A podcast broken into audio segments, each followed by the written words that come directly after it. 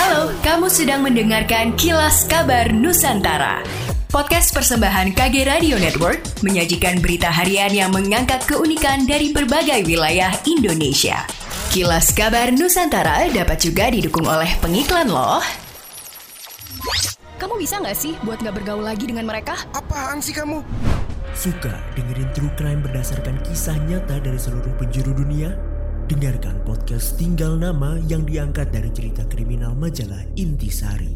Persembahan Media by KG Media dan Intisari di Spotify saat semuanya sudah terlambat. Kabar baik datang bagi tenaga pendidik atau guru yang berstatus honorer di Sumsel. Baru-baru ini, Kepala Dinas Pendidikan Provinsi Sumatera Selatan, Riza Pahlevi, membeberkan bahwa guru honorer di Sumsel berkesempatan menerima gaji insentif.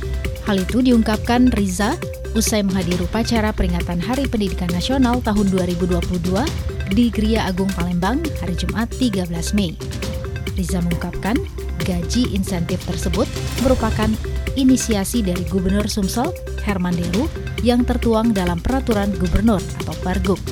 Namun, guru honorer yang bakal menikmati gaji insentif tersebut adalah mereka yang telah mendapatkan SK dari kepala sekolah dan tercatat di Dapodik.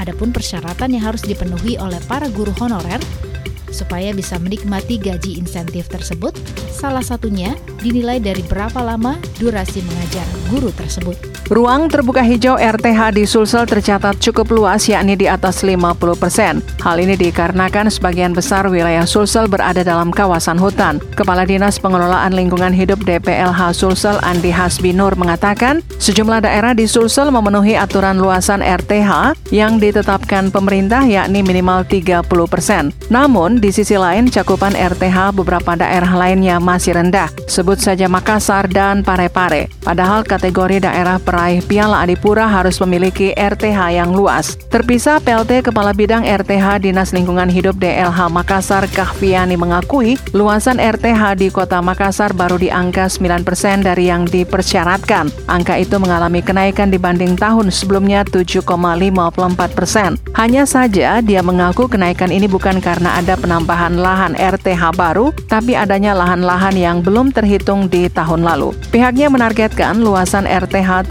30% baru bisa dicapai 2034 mendatang. Target itu berdasarkan rencana induk RTH yang disusun bersama Dinas Tata Ruang Makassar.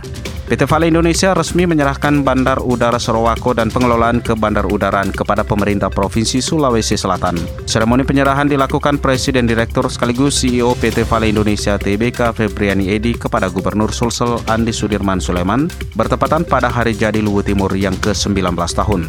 Berdasarkan kesepakatan ada tiga objek yang diserahkan PT Vale, yakni lahan seluas 25,4 hektar, aset-aset yang berfungsi sebagai sarana dan prasarana pendukung pengoperasian bandara serta pengelolaan jasa ke bandar udaraan. Gubernur Sulsel Anies Sudirman Sulaiman mengaku bersyukur atas kolaborasi PT Vale sebagai mitra strategis pemerintah. Berkat kerjasama yang terjalin baik, pihaknya berhasil meyakinkan PT Vale bahwa Pemprov Sulsel bisa mengelola Bandara Sorowako dari sebelumnya fasilitas privat kini menjadi bandara umum komersil. Lebih jauh, Sudirman berharap dibukanya layanan umum di Bandara Sorowako akan meningkatkan jumlah kunjungan wisata ke Sulsel, baik mancanegara maupun domestik. Dengan demikian, kesejahteraan masyarakat di Luwu Timur kian terjamin. Demikianlah kilas kabar Nusantara pagi ini.